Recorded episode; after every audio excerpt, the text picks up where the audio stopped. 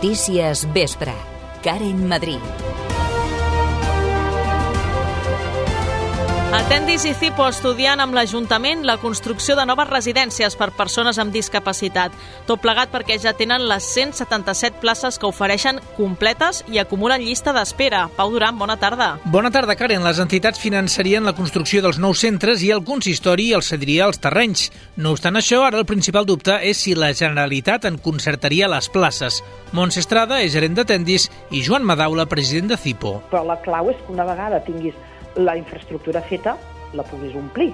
I, i, i amb el nostre àmbit vol dir que puguin concertar les places, que et doni el finançament per funcionar la Generalitat, no? I aquí ara mateix no hi ha un compromís. Farem la inversió moltes vegades sense tenir assegurat això, però jo penso que, que ens acompanyaran, perquè si no tenim un problema, no? Des de l'Ajuntament, el regidor d'Acció Social, Eloi Cortés, ja ha confirmat que estan oberts a fer la sessió dels terrenys. Una cinquantena de residents de Sabadell, gent gran amb demència, ja fan teràpia amb mascotes robot. Són gats i gossos artificials preparats per interaccionar amb l'usuari. L'objectiu és reduir els índexs d'ansietat de les persones amb demència i alentir el seu deteriorament cognitiu.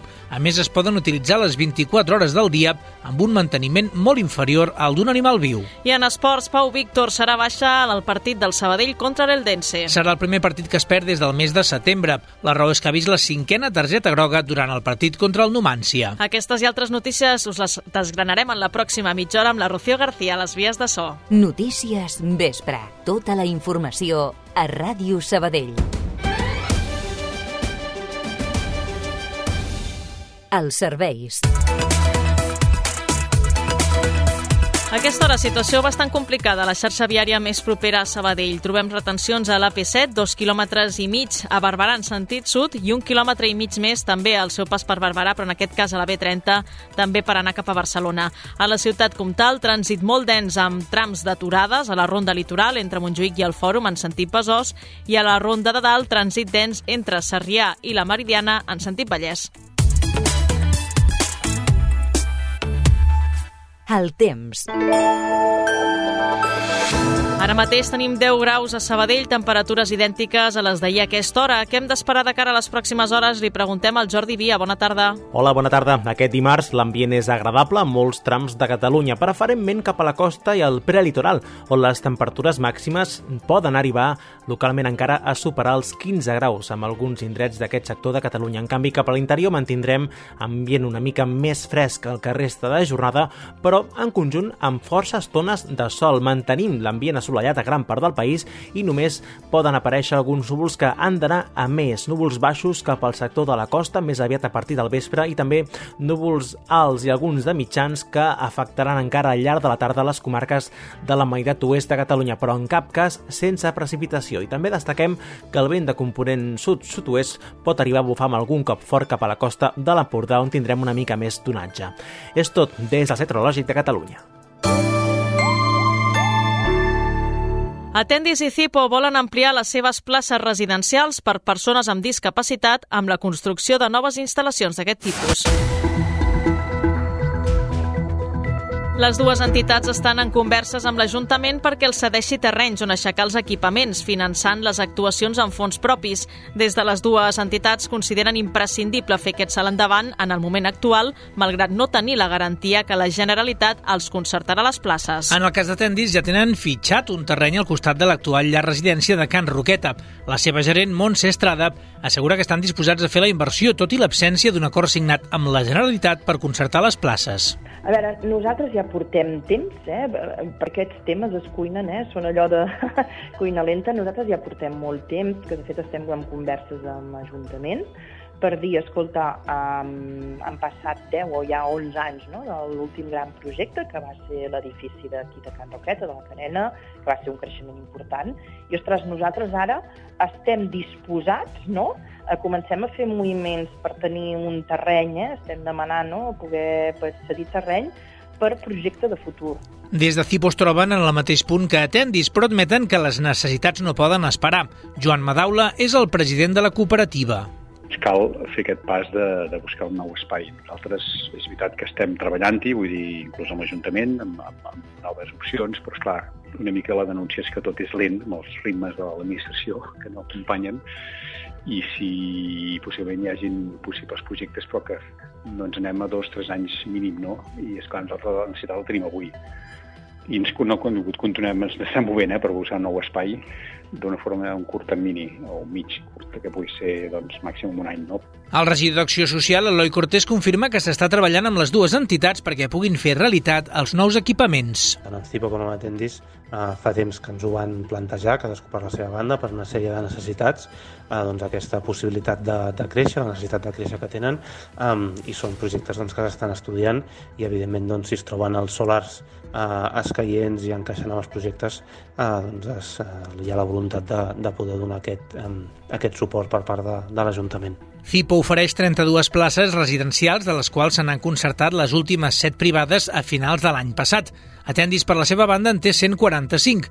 Totes estan ocupades i amb llistes d'espera. La visita del conseller de Salut Manel Balcells a Sabadell encara coeja. A banda del Cap Can Llong, també va sortir el tema de la pediatria i va dir això. No tots els CAPs tenen el pediatre allà, però tenim equips d'atenció pediàtrica a menys d'un quilòmetre i mig o dos d'allà on te toca, perquè hi hagi una millor atenció i els pediatres, a més a més, treballin en equip i puguin eh, coordinar-se millor i puguin donar el suport necessari. Això ho fem a tot arreu, a Sabadell també. Això és dolent? És una bona manera d'organitzar una especialitat quan falten especialistes. L'explicació no ha agradat a la plataforma SOS Pediatria Sabadell. No, que considera que no hi ha empatia per part del departament i que aquesta situació no es quedarà només en la provisionalitat. El seu portaveu, David Bergadà, proposa que es donin alternatives als barris més allunyats. Visites domiciliàries, atencions eh, puntuals a, als als barris més llunyans, fer campanyes de sensibilització, bueno, fa facilitar l'accés puntualment en alguns barris. Ells són els tècnics també, nosaltres som pares i mares de família i per tant podem ajudar a, a, a donar solucions, però eh, qui, sap, qui sap més són ells. Berguedà posa d'exemple famílies de Camp Puiggener que abans ja anaven a la Creu Alta i ara han d'arribar fins a la Concòrdia. I Sabadell se suma avui a la commemoració del Dia Internacional de les Cardiopaties Congènites, malformacions del cor amb la il·luminació de la façana de l'Ajuntament de color vermell. N'hi ha fins a 300 tipus diferents i es calcula que afecten a un de cada 10 nadons nascuts a Catalunya. Per aquesta raó, jornades com la d'avui, el 14 de febrer, són tan importants per sensibilitzar sobre què impliquen les cardiopaties per als nens que en pateixen i les seves famílies. Núria Garcia, bona tarda. Bona tarda, Karen. Les cardiopaties congènites poden presentar diferents graus de complexitat, la qual cosa també marcarà l'evolució del nen fins a l'edat adulta. Les més greus acostumen a detectar-se abans del naixement, mentre que les moderades o més lleus solen diagnosticar-se un cop ha nascut l'infant. En tots els casos, però, els nens necessitaran tard o d'hora passar pel quiròfan.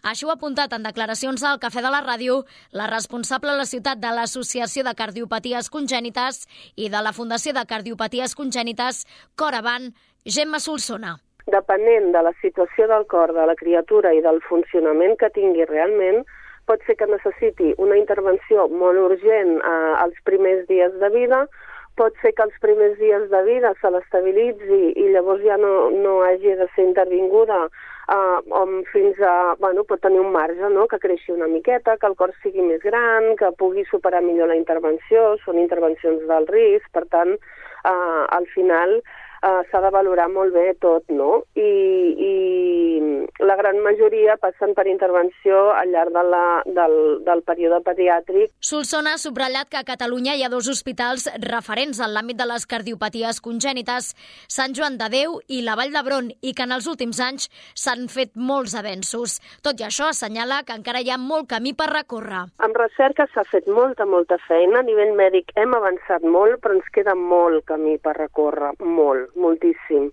Llavors, evidentment, en recerca sempre necessitem molts recursos. Sabem que és un país que no inverteix massa en recerca, vull dir que en aquest sentit els investigadors s'han de buscar molt no? la, la manera d'aconseguir els seus objectius. A Catalunya hi viuen 40.000 persones amb cardiopatia congènita, de les quals 20.000 ja han arribat a l'edat adulta. La residència Sabadell Gent Gran, gestionada pel Taulí, ha ampliat les seves teràpies no farmacològiques per persones amb demència amb la incorporació de mascotes robòtiques. En total, una cinquantena de residents utilitzen des de fa un parell de mesos els quatre gats i, gos, i el gos artificials preparats per reaccionar a les interaccions dels usuaris. Les mascotes artificials complementen les teràpies amb animals reals aturades des de l'esclat de la pandèmia. El director de projectes i operacions de Sabadell Gent Gran, Pedro Cano, ha explicat al programa al matí els avantatges d'aquests robots. El fonamental és que ens permeten la disponibilitat 24 hores durant tota la setmana, durant tot l'any. Vull dir que la, el manteniment que tenen és, és molt senzill i el, per nosaltres el rellevant és que ens ajuda a complementar tot aquell temps que no tenim l'animal terapèutic de veritat, no? Clar. Llavors això ens permet pues, extendre el, el tractament i els beneficis de l'ús de les mascotes sí. al robot pues, a tot l'any i a tot moment. Clar, no, només amb, no només amb terapeutes especials, sinó també amb personal més generalista com són els, les cuidadores i els cuidadors de, de Sabadell Gent Gran. Cano també ha assenyalat l'impacte d'aquesta i altres teràpies no farmacològiques en afectats per demència. Algunes d'aquestes teràpies el que ajuden és endarrerir l'evolució de la, del deteriorament cognitiu, és a dir, enlentir l'evolució de la demència. En aquest cas, el, el, el fet d'estimular-los amb música, estimular-los amb activitat física al mateix temps que estan fent, per, per exemple, un solitari amb una pantalla, tot això ajuda a que el, el deteriorament cognitiu sigui més lent, vagi més a poc a poc. A part d'això, hi ha altres elements que ajuden sí. a disminuir l'ansietat, a disminuir l'angoixa, a socialitzar més amb el seu entorn i al final això és qualitat de vida. Davant l'èxit d'aquestes mascotes, el taulí incorporarà un gos més al repertori i les podran utilitzar també els pacients domiciliaris i del centre de dia. Torna a escoltar aquest informatiu a radiosabadell.fm. Carme Forcadell creu que la revisió de condemnes als líders del procés aplicada pel Suprem pretén ser un càstig a la reforma del Codi Penal acordada per Esquerra i el govern espanyol. Així ho ha apuntat avui en una entrevista a Televisió Espanyola. No és qüestió que hagi fracassat la reforma, sinó és qüestió de la interpretació que fan els jutges. Els jutges estan interpretant en contra de la voluntat del legislador. És a dir, jo crec que estan corregint el govern. El que està fent la justícia en aquests moments és corregir el govern és dir-li al govern aquesta reforma no m'agrada i per tant la interpretaré de la manera que sé que tu no vols, perquè si no, no té sentit. La sabadellenca ho ha dit l'endemà que el Suprem hagi decidit extingir la seva inhabilitació i la de quatre condemnats més per l'1 d'octubre, d'acord amb la reforma del Codi Penal. En aquest sentit, ha assegurat que són bones notícies, tot i no poder gaudir-ho del tot, perquè hi ha companys que no se n'han pogut beneficiar, d'acord amb la interpretació del jutge Marchena. Una decisió avalada pel lletrat del Col·legi de l'Advocacia de Sabadell, Jaime La Paz, qui ho ha argumentat així en una entrevista al Cafè. Jurisprudència ja venia dient des de fa molts anys que l'uso propi no és directament que, que sigui per ells, sinó que pot ser per una finalitat eh, eh, que els beneficia a ells. I aquí beneficiava només a una part de la població, entre cometes, no? No a tothom. Eh, I, I a més a més estaven per una finalitat que no era la, la, la que estaven destinats a aquests fons públics, que són de tothom, no ho oblidem. Els diners teu, meu i de tothom. I els van destinar a una cosa que era il·legal. Per tot plegat, Oriol Junqueras, Raül Romeva, Dolors Bassa i Jordi Turull continuaran inhabilitats fins al 2031. Surten a la llum els àudios i vídeos de WhatsApp que els van enviar els acusats de matar un home a Can Llong. Es tracta de dues bessones i la parella d'una d'elles. La Fiscalia, recordem, els demana més de 24 anys de presó. El cas està a punt d'arribar a judici. La víctima és Pablo Fernández, que va ser assassinat el 10 de juliol del 2021. La jutgessa instructora ja ha decretat l'obertura oral d'aquest procediment contra els tres acusats, les bessones Dolores i Pilar Vázquez i el cunyat de la víctima, Isaac Gil. El periòdico ha tingut accés als whatsapps dels encausats, com ara aquests. A ver, porque ella ya no aguanta más, ¿sabes? Y es normal. ¿Cómo conseguir cloroformo, Cari? Para dormirlo y luego eso, ¿sabes? Porque este viernes no quiere que pase ya. Y yo estoy de acuerdo con, con eso. Eh, así que si conseguimos eso para que ella lo duerma y nosotros rematarlo, pues se hace el viernes por la noche. Yo me pido el día personal. Hombre, si lo hace, si se hace bien, sí que se deja frito y una vez que esté frito ahí se machaca. Digo, no sé. Eh, se podía probar, yo qué sé, que si estoy hecho un lío, tengo la cabeza hecho un lío. Tranquila que, que no, no llegará de momento la sangre al río. Al, al, al bosque puede ser, pero de momento no. Als àudios també s'escolta com la Pilar li diu a la Dolores que haurà de posar una manta al cotxe. La Fiscalia demana 24 anys de presó pels acusats, així com 300.000 euros d'indemnització per la filla de la víctima. Per la seva banda, l'acusació particular eleva fins als 25 anys la pena de presó per les dues germanes. Tant la Fiscalia com l'acusació particular consideren que es tracta d'un crim planificat pas a pas per Dolores Vázquez, parella de l'assassinat. Per materialitzar-lo, va comptar amb la col·laboració de la seva germana i la parella d'aquesta, Isaac Gil, qui seria l'autor material de l'homicidi. Gil i Pilar Vázquez seran jutjats pels fets davant de l'Audiència de Barcelona i estan en presó preventiva. En canvi, Dolores Vázquez espera l'arribada del judici en llibertat. Ràdio Sabadell, al peu de la notícia. El sector de les catifes s'està morint, és el que assegura Francesc Ventura, propietari de la botiga del mateix nom, que veu com aquest fenomen ja ha agafat una dimensió global. Estan tancant botigues i magatzems de catifes arreu. Vull dir, està passant a Nova York, està passant a Roma, està passant a París, i em rendeixo. No sé, no, no sabem analitzar exactament el motiu N'hi han que diuen, no està clar, l'IKEA, que et venen quatre mobles per quatre rals i a més a més t'hi enxufen la catifa. Pots comprar una catifa de dos metres a l'IKEA per 40 euros. Així ens faig propaganda de l'IKEA. Uh, ara, evidentment, no demanis que una catifa de 40 euros pugui durar el mateix que una catifa de 90 o una catifa de 120 o de 150.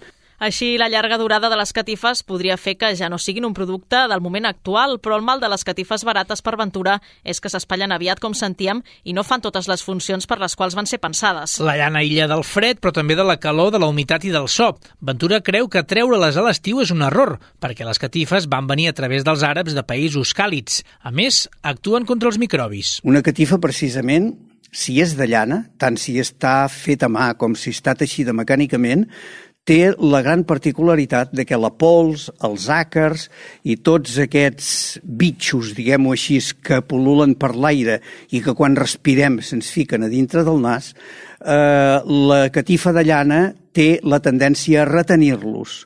Per tant, eh, amb una habitació que tot el terra estigui forrat de catifa, tenim menys microbis en l'aire en el moment de respirar fins a dos mesos després d'haver-la netejat, la catifa pot seguir absorbint pols.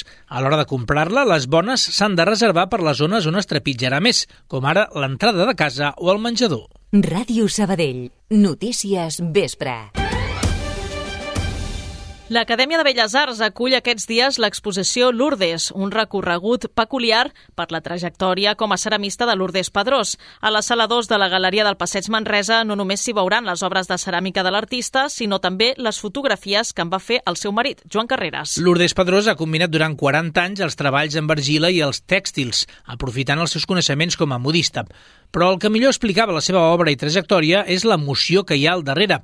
Així ho ha destacat en declaracions al programa al matí. I són 40 anys de la meva vida que m'ho he passat, eh, bueno, molt bé, creant, perquè tot el que sigui transformar un material per mi és molt important, perquè, bueno, és una de les coses que m'ho he passat molt bé.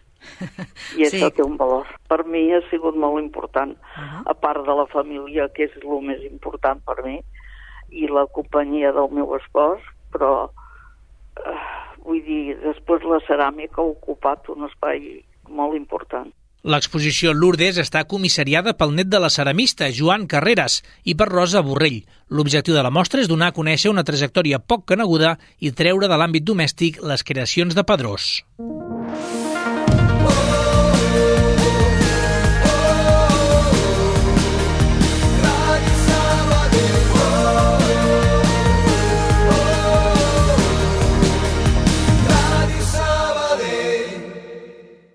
Escolta cada cap de setmana les retransmissions del Centre d'Esports al Sabadell en Joc. Les urgències han tornat al Sabadell. Després de quatre jornades sense guanyar, la victòria ja és una obligació. Però per això caldrà ser els primers en sorprendre el líder a casa seva. Aquest diumenge, des del nou Pepico Amat, Club Deportiu Eldense, Centre d'Esports Sabadell. Viu la transmi més arlequinada amb la narració del Sergi Garcés, els comentaris d'Adriana Arroyo i la direcció del Pau Vituri. Diumenge 19 de febrer, a dos quarts de sis de la tarda, Sabadell en joc. Club Deportiu Eldense, Centre d'Esports Sabadell, a Ràdio Sabadell. Sabadell en joc. Passió arlequinada. Ràdio Sabadell. Notícies vespre. Fora de Sabadell i la comarca. Aprovat l'augment del salari mínim interprofessional fins als 1.080 euros bruts mensuals en 14 pagues. El Consell de Ministres ha donat avui llum verd a la pujada de 80 euros al mes pactada entre el govern espanyol i els sindicats Comissions Obreres i UGT des de la COE, però només acceptaven un augment de 40 euros mensuals. El Departament de Salut ha acordat amb el sindicat d'Infermeria SATSE fer un estudi sobre les càrregues de treball d'aquests professionals. El departament també ha indicat que també introduirà mesures per impulsar un pla específic sobre la mobilitat dels professionals en l'atenció domiciliària dins la primària. Amb dues parts ho han decidit en una trobada celebrada aquest dimarts a la seu de Salut. Esports.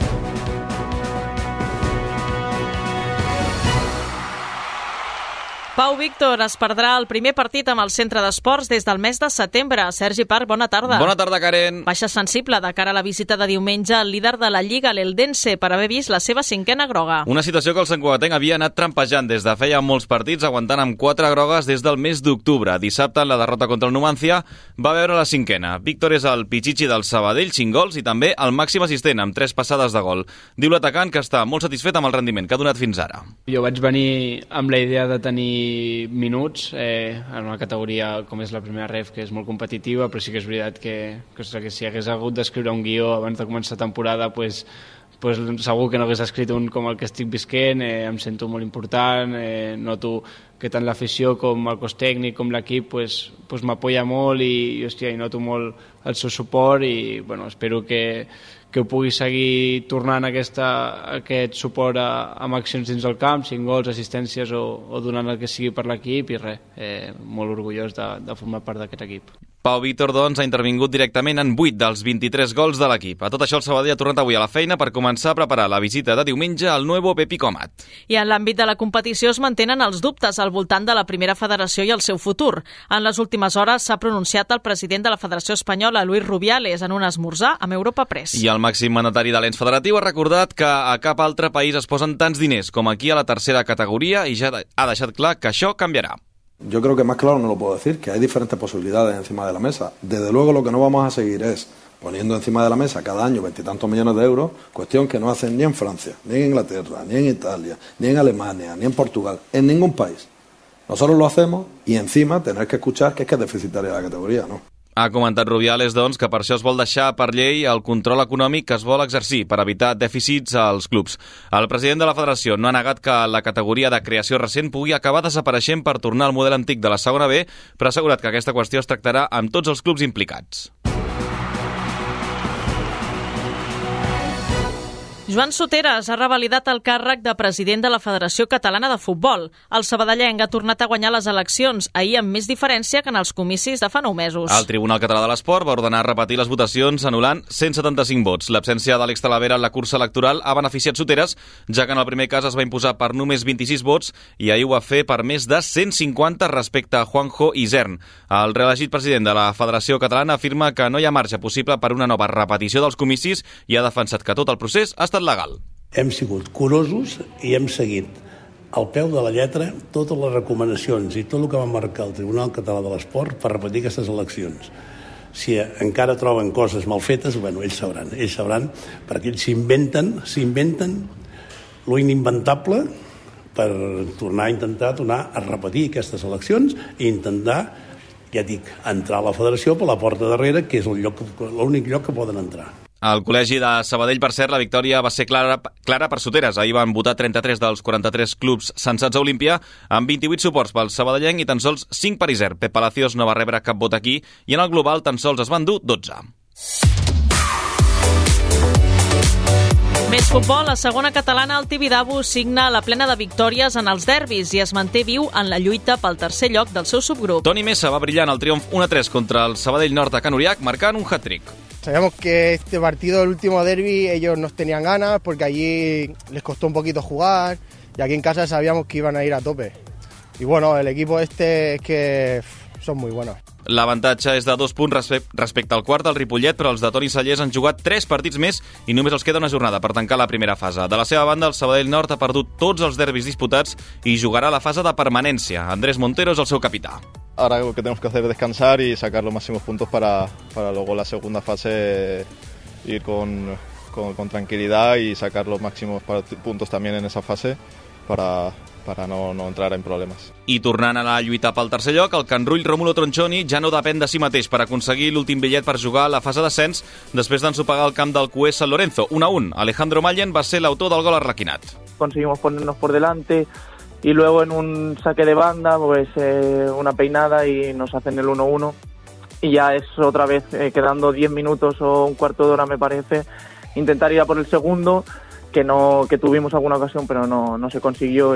En futbol juvenil, el mercantil torna a guanyar després de dues derrotes consecutives. Victòria patida 1-2 al camp del Lleida Esportiu amb un gol de Gerard Torres a les acaballes. Som el mercantil i, i Xala, l'entrenador, sempre ens ho ha dit que, que no ens rendim mai, que ho seguim intentant i al final hi han hagut molts partits que ho hem seguit intentant i en els últims moments pues, hem aconseguit o la victòria o un empat, en aquest cas la, la victòria. El Mercantil és el segon millor juvenil de Lliga Nacional per darrere d'un gimnàstic Manresa que es va imposar 0-1 a Olimpia, el Sabadell Juvenil B, tot per un penal clar en el tram final, com reconeix l'Arlequinat i Zanotero. el penalti que nos quitan en contra es, es bastante claro, para que engañarte. Es, es un, un fallo, el único fallo que tenemos en todo el partido, así tonto, que queremos entrar así, entramos de golpe y es un penalti claro. Un grau per sobre, divisió d'honor, tercera derrota consecutiva del juvenil del Sabadell que es queda estancat a la zona mitjana-baixa de la taula. 4-1 va caure golejat l'equip d'Edu San José al camp del segon, el Real Zaragoza, sense que el porter Oriol Ciurans tingués opcions de salvar el seu equip. Va ser un partit amb moltes ocasions a, a favor que no, no vam, vam acabar de, de convertir. Llavors això al final passa factura amb un equip que té, que té molta qualitat a dalt com és el Saragossa, eh, si perdones doncs ells, ells van, van a pinyó, llavors eh, bàsicament això és el, el que va passar. Els equips de Nacional descansen aquest cap de setmana, però sí que jugarà el Divisió d'Honor del Sabadell rebent el Constància. La Copa del Món Júnior d'Esgrima farà parada a Sabadell aquest cap de setmana per quarta ocasió. El pavelló d'esports de Sant Oleguer acollirà una nova edició d'aquesta competició en la modalitat de floret masculí individual i per equips. En total hi ha inscrits 118 tiradors de 27 països diferents, una xifra sensiblement inferior a la de l'any passat, en què hi va haver prop de 170 participants. Elvira Lupascu, vicepresidenta del Club d'Esgrima Sabadell Jaume Viladoms, ha explicat el perquè a la presentació d'aquesta tarda. Esta Copa del Mundo es la última del circuito de junior de, la temporada y seguido ya la próxima semana comienza el campeonato europeo. Probablemente por esto hay menos participantes de lo esperado. L'entitat sabadellenca tindrà tres representants, Alan Fernández, Alberto Romero i Arnau Gomà. Aquest últim, per cert, també formarà part de la selecció espanyola. A diferència de l'any passat, aquest cop no hi haurà restriccions d'aforament i l'entrada serà gratuïta. Dissabte, la competició individual anirà de nou de 9, de 9 del matí perdó, a 4 de la tarda i diumenge de 9 a 2 es durà a terme la prova per equips amb una vintena de seleccions. I un apunt de ciclisme, segona prova disputada per Marta Romance amb l'equip ZAF de categoria continental. La ciclista sabadellenca va prendre part de la clàssica d'Almeria i es va veure tallada per una caiguda per entrar finalment al lloc 66 amb un grup amb força presència espanyola que va arribar a 53 segons de la guanyadora, la canadenca Emily Fortin. La jove corredora local va ser la 14a espanyola, espanyola perdó, perdó, en aquesta cita a Andalusia. Gràcies, Sergi. Bona tarda. A tu, Karen.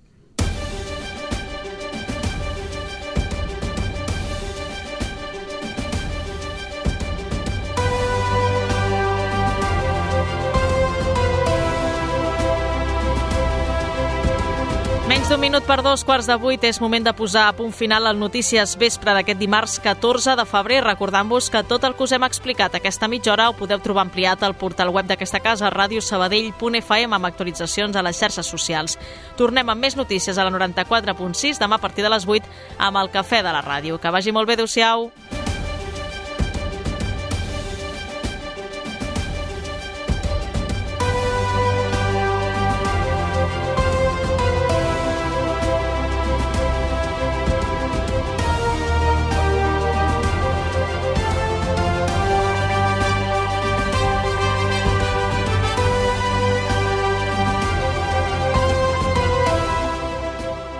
Allà on siguis, escolta'ns online.